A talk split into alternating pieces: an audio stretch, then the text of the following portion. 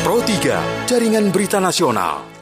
Iya, pendengar Anda masih menyimak Indonesia Menyapa Pagi dan seperti biasanya di pukul 9.30 kami akan ajak Anda untuk mengikuti dialog layanan kesehatan kerjasama antara FKUI dengan Radio Republik Indonesia. Untuk hari ini kita akan berbincang mengenai penggunaan zat herbal alami sebagai suplemen dan juga alternatif obat untuk pasien. Kalau Anda ingin eh, bertanya terkait dengan hal ini atau mungkin Anda memiliki memang memiliki pertanyaan ya, informasi terkait dengan hal-hal semacam ini silakan Anda bisa bergabung bersama kami pada saatnya nanti saya akan sampaikan line telepon yang bisa Anda hubungi. Kami akan berbincang pagi hari ini bersama dengan Departemen Patologi Anatomik ya dari salah seorang dokter dari Departemen Patologi Anatomik FKUI begitu.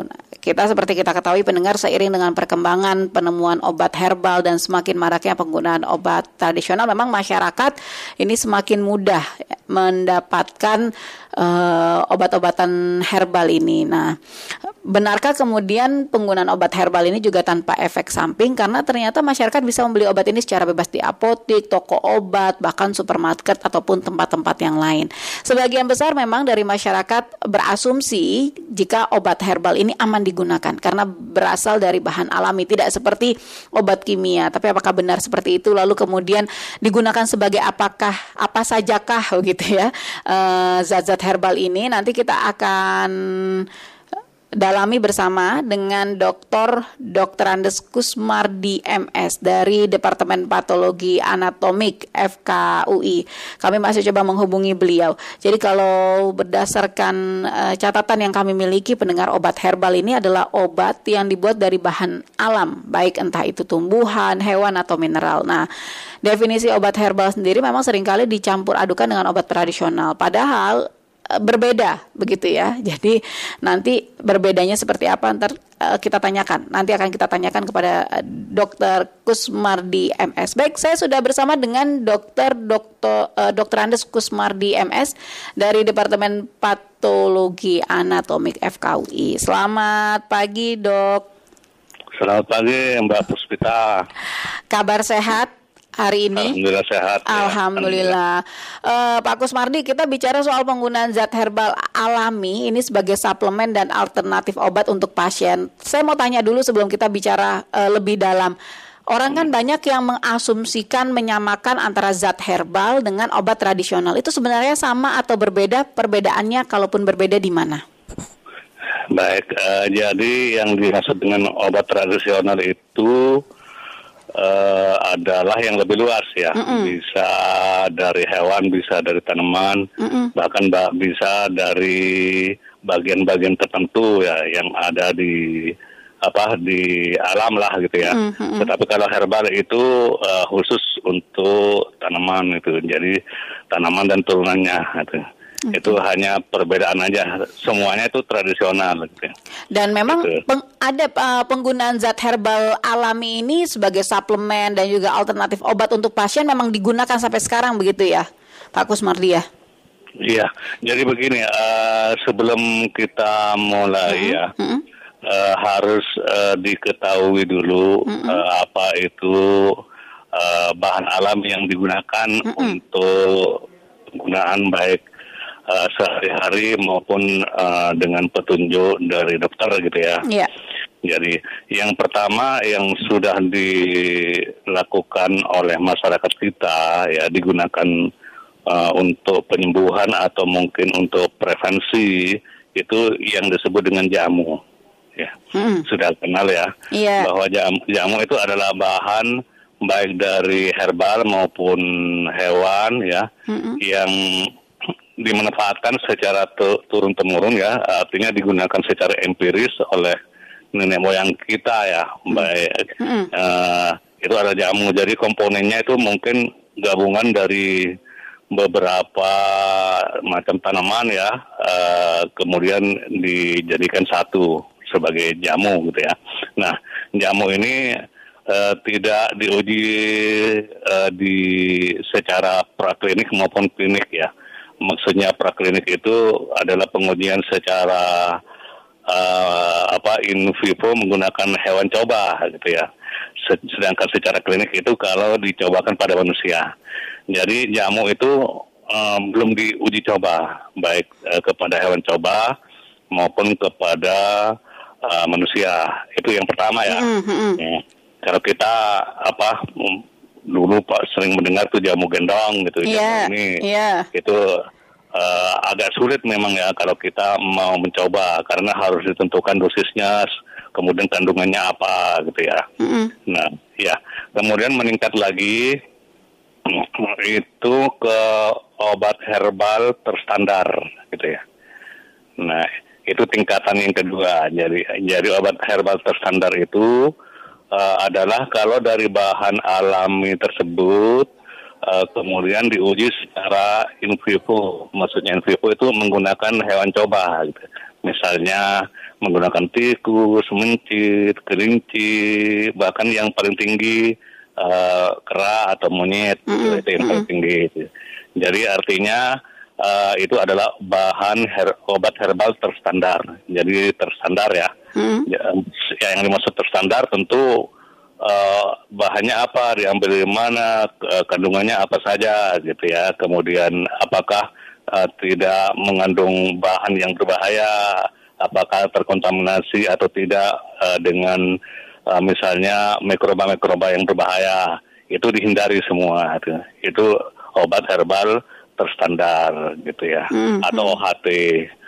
Nah kemudian uh, ada lagi yang namanya uh, fitofarmaka ya.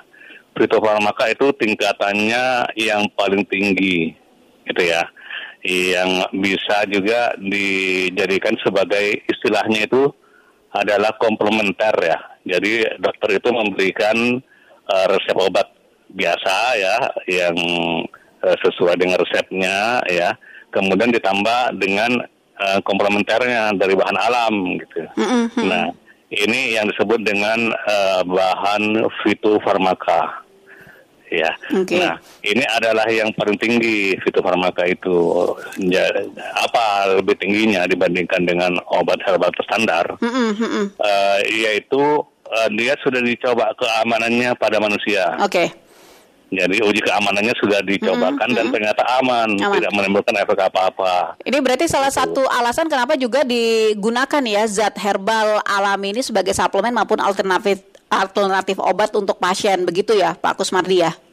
Iya, mm. jadi, jadi uh, kita uh, apa dilihat dulu terstandar mm. atau tidak mm -hmm. dan efeknya apa. Nah, gitu. tapi begini, masyarakat kan juga banyak yang berpikir kalau biasanya uh, zat-zat herbal alami ini tanpa efek samping. Benar nggak sih kalau emang benar-benar tidak ada efek sampingnya? Uh, itu dia ya. Hmm. Kalau kita lihat ya dari jamu misalnya ya, hmm. jamu uh, tentu saja uh, efek sampingnya itu selalu ada gitu. Hmm. Bukan tidak ada, ada hmm. ya. Hmm. Cuma yang pertama uh, dosisnya kan tidak tahu. Ya, komponen aktif yang ada di situ itu tidak tahu. Dan komponen yang aktif itu boleh berapa sih gitu. Dan kalau apa kalau lewat dari itu efeknya apa? Misalnya apakah ada kerusakan pada hati pada ginjal itu. Itu yang pertama. Belum diuji ya. Secara menggunakan hewan coba aja belum diuji gitu ya. Hmm. nah kemudian uh, efek samping yang terakhir yang yang yang tidak boleh dilupakan ya itu biasanya uh, yang namanya jamu ya kan. Kalau tidak higienis ya tidak higienis pengelolaannya Ya tentu saja kan akan ada kontaminasi segala macam situ ada mungkin ada bakteri atau ada ada jamur kemudian jamur juga menghasilkan bahan-bahan kimia yang berbahaya gitu ya. Ya, jadi selalu ada kemungkinan Oke, gitu, cuman tidak semua. Tapi gitu, ya. minimal ya. begitu kali ya, lebih lebih lebih kecil dari uh, zat-zat uh, kimia. Iya. Oke. Nah, uh, Pak Agus Mardi, sebelum kita lanjutkan, saya boleh undang pendengar ya Pak ya, yang ingin bergabung bersama boleh, kita. Mungkin boleh, ada yang ingin menanyakan, silakan. begitu. Silakan untuk Anda pendengar silakan. yang ingin bertanya di 021 384 4545 atau di 021 386 6712. 021 384 4545 atau di 021 386 6712. Saya sedang bersama dengan uh, dokter uh, dokter dokter Andes Kus uh, Mardi MS dari Departemen Patologi Anatomik. Kami berbincang mengenai penggunaan zat herbal alami sebagai suplemen dan alternatif obat untuk pasien. Nah, sebelum kita lanjutkan kembali perbincangan kita Pak Kusmardi sudah ada pendengar yang bergabung di ujung telepon ada Pak Muhammad begitu ya dari Kalimantan Selatan. Selamat pagi Pak Muhammad. Selamat, pagi Pak Muhammad. Ya, selamat ya. pagi Mbak Pita. Silakan Pak Muhammad. Assalamualaikum. Waalaikumsalam warahmatullahi wabarakatuh. Nah, ya, tadi Pak Dok sudah menyampaikan secara singkat uh, tentang masalah penggunaan obat herbal atau tadi yang satunya apa itu? Hmm, yang sering digunakan. Kimia. Ya, uh, tradisional obat dan obat tradisional. Hewan, ya. Oh, hewan. Oh ya. Iya. Silakan Pak Muhammad. Silakan Pak Muhammad. Oke. Okay. Queen yang akan sampaikan bahwa yang paling tinggi yang nomor tiga tadi yang bagus karena sudah diuji mm -hmm. berdasarkan gitu. Nah, tetapi yang saya tanyakan Pak Dok, kalau memang itu sudah sering dilakukan seperti jamu gendong itu memang ada efek bagus, apakah masih ada efek samping yang tidak uh, yang kita harus perhatikan? Yeah. Dan yang kedua, kalau hal yang ini terjadi, eh, kiat-kiat apa atau langkah apa saja yang kita lakukan dok agar yang pengguna ini, pemakai ini tidak salah gunakan. Terima kasih Pak Dok. Baik, terima kasih. Waalaikumsalam warahmatullahi wabarakatuh. Uh, Pak Kusmardi jangan dijawab dulu Pak. Tahan dulu sudah ada pendengar satu lagi dari Boyolali Pak Udin. Selamat uh, pagi Pak Udin. Selamat pagi. Iya. Assalamualaikum. Waalaikumsalam warahmatullahi wabarakatuh. Silakan Pak Udin. Waalaikumsalam warahmatullahi wabarakatuh. Dokter Kusmardi, Departemen Analogi. Kalau dulu uh, jamu gendong terus sering, tapi sekarang menurut saya banyak jamu yang di warung gitu karena uh, lebih uh, gimana lebih eh, gimana gitu. Tapi kalau uh, jamu kan seakan uh, kita uh, langsung kayak percaya kita misalnya mau jamu ini biar perutnya nggak sakit gitu misalnya nah langsung dikasih ramuan gitu. Nah itu kan uh, tukang jamunya kan nggak punya kayak seperti sertifikat khusus gitu, tapi uh, para itunya kan uh, pembelinya yakin itu pendapat uh, Bapak kayak gitu kayak gimana? Demikian terima kasih. Assalamualaikum warahmatullahi wabarakatuh. Baik, Waalaikumsalam warahmatullahi wabarakatuh. Silakan Pak Kusmardi. Baik, uh, terima kasih uh, Mbak Puspita ya. Ya. Uh, saya akan menjawab pertanyaan Pak Muhammad dari Kalimantan dulu ya. Mm -mm. Uh, tadi sebetulnya sudah disampaikan yeah. ya Pak Muhammad ya bahwa uh, jamu gendong itu kan secara empiris sudah diberikan dimanfaatkan oleh masyarakat kita gitu ya bahkan sebelum ada dokter di di daerah-daerah juga mungkin itu sudah dimanfaatkan bahkan bahkan kalau kita lihat dari sejarah ya uh, ternyata di Borobudur itu ada relief ya relief uh, penjual jamu gendong gitu ya. Berarti apa? Berarti uh, jamu gendong itu sudah sangat lama dimanfaatkan oleh masyarakat kita gitu ya. Jadi artinya apa? Kalau misalnya masyarakat kita itu mengalami suatu hambatan atau apa terkena efek sampingnya ya, maka itu kan tidak akan digunakan secara turun temurun gitu ya. Ya, artinya dari segi keamanan itu ya eh, eh, tidak menunjukkan hal-hal yang negatif gitu ya Pak, Pak Muhammad ya. Tetapi tadi saya menekankan bahwa eh, pada saat proses ya proses pembuatan jamu ya mungkin kita harus memberikan eh, edukasi kepada para pembuat jamu gendong ya atau jamu-jamu yang lain lah gitu ya, mm -hmm. di mana saja walaupun tidak digendong ya. Mm -hmm. Sekarang kan banyak yang di toko-toko Sudah pakai itu ya. ya Sudah pakai motor, juga, Pak, gitu. juga pakai sepeda.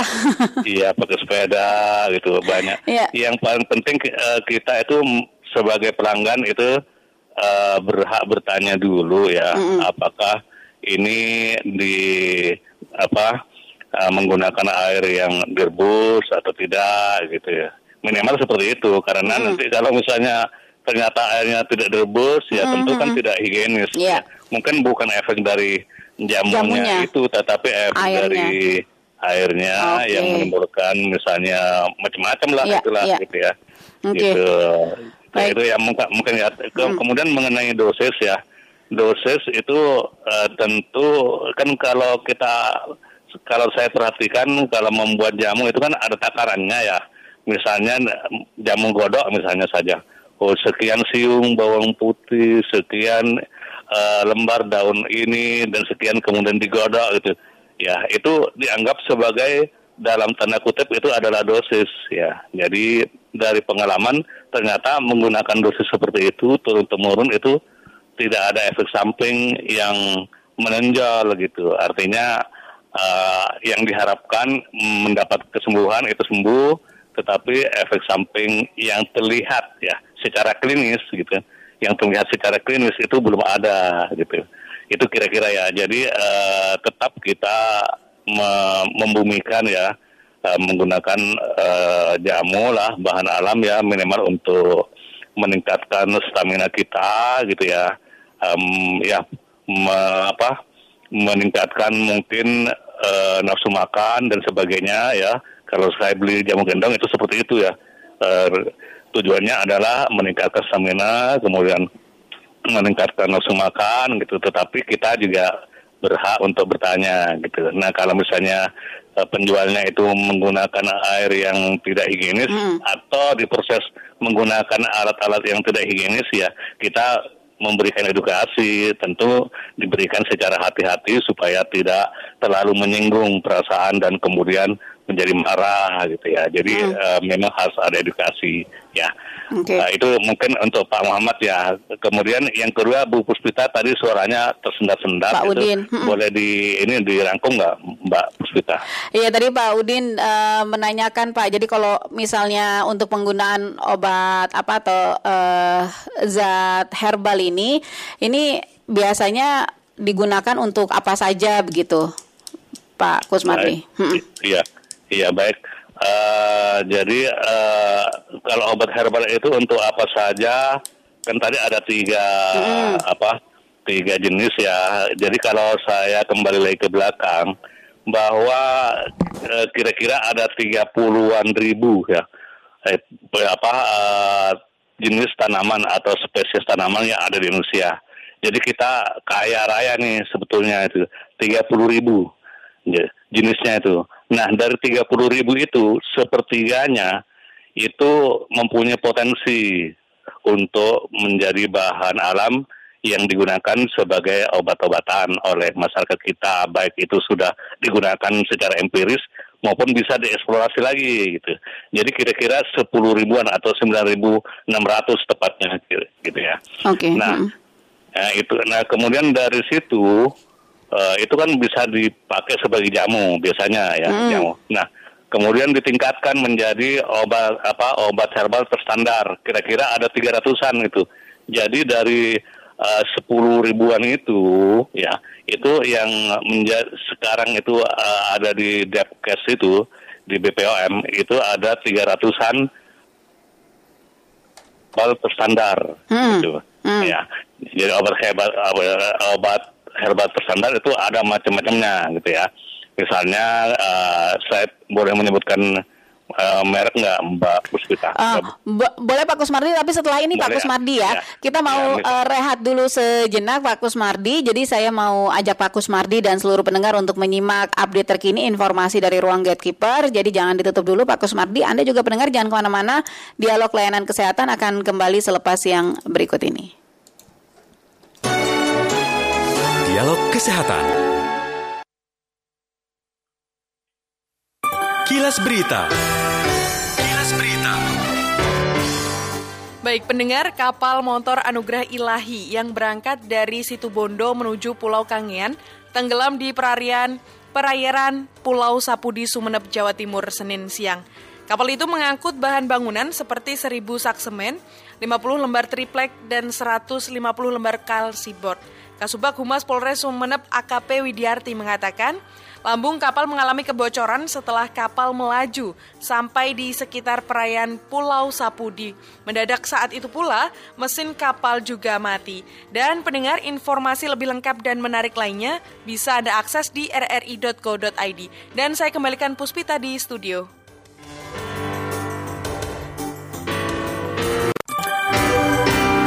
Berita 3, Jaringan Berita Nasional. Dialog Kesehatan. Ya, terima kasih untuk Anda pendengar yang masih bersama kami di Pro 3 RRI. Kita lanjutkan dialog layanan kesehatan kerjasama FKUI dengan Radio Republik Indonesia. Saya masih bersama dengan uh, Dr. Dr. Ades Kusmardi MS. Pak Kusmardi masih bersama kami ya Pak ya? Iya, insya Allah ya. Ya, baik. Pak Kusmardi, ini mohon maaf sebelum dilanjutkan kembali Pak Kusmardi sudah ada pendengar yang uh, menanti di ujung telepon. Kita sapa dulu ya, Pak Ramadan dari Sorong. Selamat pagi. Oke, baik. Pak Ramadan sudah terputus ya. Kita menuju ke Ibu Wiwi di Cilacap. Bu Wiwi. Selamat siang. Selamat siang. Silakan Bu Wiwi. Sama Pak Dokter, selamat siang juga. Salam Selamat sehat siang. semuanya. Ini Pak, saya penggemar Sambiroto dari kecil. Itu dari ibu saya sampai sekarang ini masih ada dua, dua gelas nih. Seminggu sekali saya bikin Sambiroto satu gelas. Dari kecil saya pakai. Tapi tanpa melalui apa ya uji coba atau apa itu enggak masalah ya dok. Aku dari kecil soalnya itu dari waktu waktu ada Pak Gebluk dulu itu dok. Dulu pertama dikasih daun pepaya. Terus habis itu ada Pak Gebluk yang kode kena lumpuh itu saya dikasihnya ini daun sambiroto sampai sekarang saya minum dok. Gimana dok kira-kira tapi alhamdulillah loh dok. Saya nggak pernah ngeluh sakit pinggang atau Iya. apa nggak Mhm, pernah. mhm, mhm. Terima kasih. Baik, terima Selamat kasih. siang. Selamat siang Bu Wiwi. Pak Ramadan ternyata sudah tersambung lagi di ujung telepon. Halo, Assalamualaikum Pak Ramadan. Waalaikumsalam warahmatullahi wabarakatuh. Ya, silakan. Pak dan Pak Dokter ya. Ya, silakan Pak Ramadan. Ya, ya. Pertanyaan saya begini Pak, kan dunia kedokteran atau fakultas kedokteran kan nggak pernah belajar tentang herbal. Nah, kenapa herbal ini diberikan kepada pasien? Nah itu yang pertama. Yang kedua, bahwa eh, siapa sih yang menguji obat-obatan herbal? Kan apakah BPOM kan nggak mungkin ya? Siapa yang kelayakannya? Karena eh, apa itu obat-obatan ini bukan sembarangan ya itu yang diproduksikan tentu di riset dan oleh profesor-profesor ya ahli-ahli obat ya oleh dokter atau profesor ya Hmm. demikian Pak Oke. tolong dijelasin kenapa Iya. bisa diberikan kepada pasien sedangkan dokter fakultas kedokteran pernah belajar tentang herbal Ya, Gitu. baik. Terima kasih Pak Ramadan ya. Pak Ramadan di Sorong. Satu lagi pendengar terakhir ini yang bisa kita terima Pak Hari di Mataram. Halo Pak Hari. Bang Puspita, saya hanya mau bertanya. Iya, silakan. Kan tidak ada tindak lanjutnya. Bagaimana Pak? Dari kemarin saya bertanya, tapi saya informasikan tidak ada tindak lanjutnya. Pro 3 di, di Mataram tidak mengundang. Oh, oke oke oke oke. Baik, terima kasih Pak Hari ya. Nanti disampaikan saja kepada petugas gatekeeper kami nanti mereka yang akan menyampaikan kepada teknisi Pro 3 RRI. Terima kasih Pak Hari informasinya. Eh, Baik eh, Pak Kusmardi, silakan Pak Kusmardi tadi pertanyaan dari eh, Pak Ramadan sebenarnya yang bertanya ya. Bu Wiwi tadi hanya menyampaikan dia eh, mengkonsumsi sambiloto ini. Nah, bagaimana silakan Pak Kus? Iya, baik Bu- Mbak Puspita bisa saya Iya. apa jawab pertanyaan terakhir saya Iya, dulu ya. iya, silakan, Karena yang silakan. pertama itu sangat eh, suaranya sangat terputus-putus Iya. sehingga saya nanti perlu bantuan Baik. Mbak Puspita untuk merangkum ya. Iya. Jadi eh, pertanyaan dari Pak Ramadan dari Sorong ya tadi ya, eh, si- apa siapa yang berhak melakukan penelitian ya terhadap bahan herbal ini itu ya. Jadi begini, eh, pada tahun 2016 ya itu ada peraturan Menteri Kesehatan ya yang eh, mempercepat ya percepatan supaya bahan alam kita yang kaya raya yang 30 ribu tadi itu bisa sampai eh, minimal ke eh, obat herbal terstandar. Kalau bisa sampai ke fitofarmaka itu. Jadi memang ada anjuran ya karena kita ketinggalan ini. Kita Indonesia ini kaya raya tapi ketinggalan dalam penggunaan obat herbal. Jadi eh, sudah dipilih oleh uh, Depkes itu ada 30 uh, bahan alam yang harus dikembangkan oleh para peneliti yang ada di Indonesia, baik itu di institusi pendidikan, uh, melibatkan uh, BRIN juga, ya tentu juga melibatkan BPOM gitu ya. Uh, khusus untuk yang akan sampai ke fitofarmaka itu harus melibatkan BPOM, harus mengikuti kaidah-kaidah yang uh, di apa di dipandu oleh BPOM gitu ya, supaya sampai ke situ ya. Jadi oke. eh, itu yang yang harus diteliti. Jadi eh, di antaranya sih sambiloto gitu ya. Kemudian kunyit, kencur, jahe, temulawak itu da- daun jambu biji, cabai Jawa, eh, brotowali, kemuning, jati Belanda, banyak meniran dan sebagainya itu. Itu jadi banyak. Jadi jadi sebetulnya eh, suatu penelitian itu akan dinyatakan valid ya.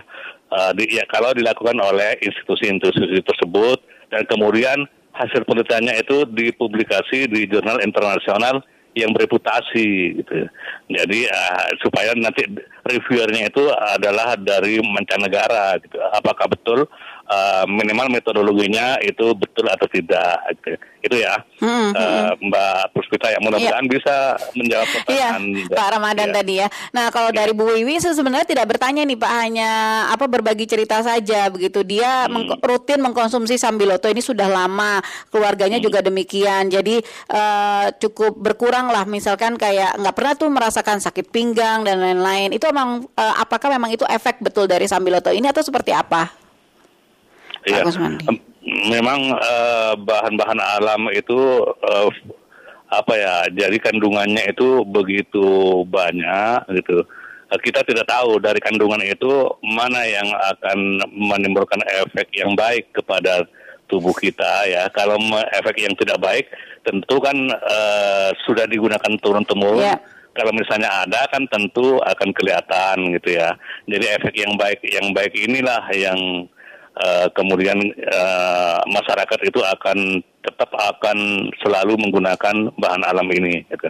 Wah minimal sebagai eh, penyokong ya. Kalau kalau misalnya sakitnya itu tidak terlalu ini mungkin wah ini pakai bahan herbal dulu gitu ya. Tapi kalau sudah sakitnya itu ya sampai ada gejala klinis yang yang eh, sedang sampai parah ya, ya tentu harus datang ke dokter. Mungkin eh, diceritakan saja kepada dokter bahwa eh, saya sudah mengkonsumsi secara rutin atau berapa hari sebelumnya atau berapa minggu sebelumnya bahan herbal ini gitu. Nah, apakah nanti dokternya akan melanjutkan? Oh, silakan dilanjutkan. Tapi kemudian eh, saya akan memberikan obat gitu. Silakan aja, tidak apa-apa ya. Jadi eh, saya rasa karena Ya. potensi dari bahan herbal kita itu Ya. cukup luar biasa itu. Oke, baik. Ya. Pak Agus Mardi ini terakhir Pak eh, pesan atau misalkan himbauan begitu yang ingin disampaikan untuk seluruh pendengar Pro 3 RRI. Apa Pak Gus Mardi silakan. Ya, ya. Eh, jadi eh, untuk seluruh pendengar Pro 3 di seluruh Indonesia ya saya eh, memberikan pesan ya bahwa kita tidak usah ragu-ragu. Jadi kita optimis eh, menggunakan bahan alam eh, untuk eh, minimal meningkatkan stamina kita, gitu ya. Karena itu sudah teruji secara empiris eh, oleh nenek moyang kita. Itu yang pertama. Nah, tapi kalau gejalanya itu sudah em, dirasakan agak ya agak berat itu eh, harus berkonsultasi dengan dokter tentunya gitu ya. Eh, mungkin eh, itu tidak cukup eh, mungkin dosisnya tidak cukup gitu atau mungkin perlu ditambah dengan obat yang lain gitu ya. Jadi eh, saya rasa eh, kita tetap harus eh, apa ya memanfaatkan bahan alam yang apa ya yang Ya. Ya, sesuai ke eh, eh, apa, Kebutuhan gitu. eh, apa indikasi Oke. penyakit kita itu Ya. apa Iya, gitu. baik. Ya, terima kasih Pak Kusmardi sudah bersama dengan Pro 3 RRI dalam dialog layanan kesehatan hari ini. Selamat kembali beraktivitas. Salam Ya, sehat selalu. kasih, Puspita, ya Se- selamat pagi untuk seluruh pemirsa Pro 3 FM. Iya, baik. Selamat pagi. Assalamualaikum. Waalaikumsalam warahmatullahi wabarakatuh. Demikian pendengar, Dr. Dr. Andes Kusmardi MS dari Departemen Patologi Anatomi kami tadi berbincang mengenai penggunaan zat herbal alami sebagai suplemen dan alternatif obat untuk pasien. Dialog Kesehatan.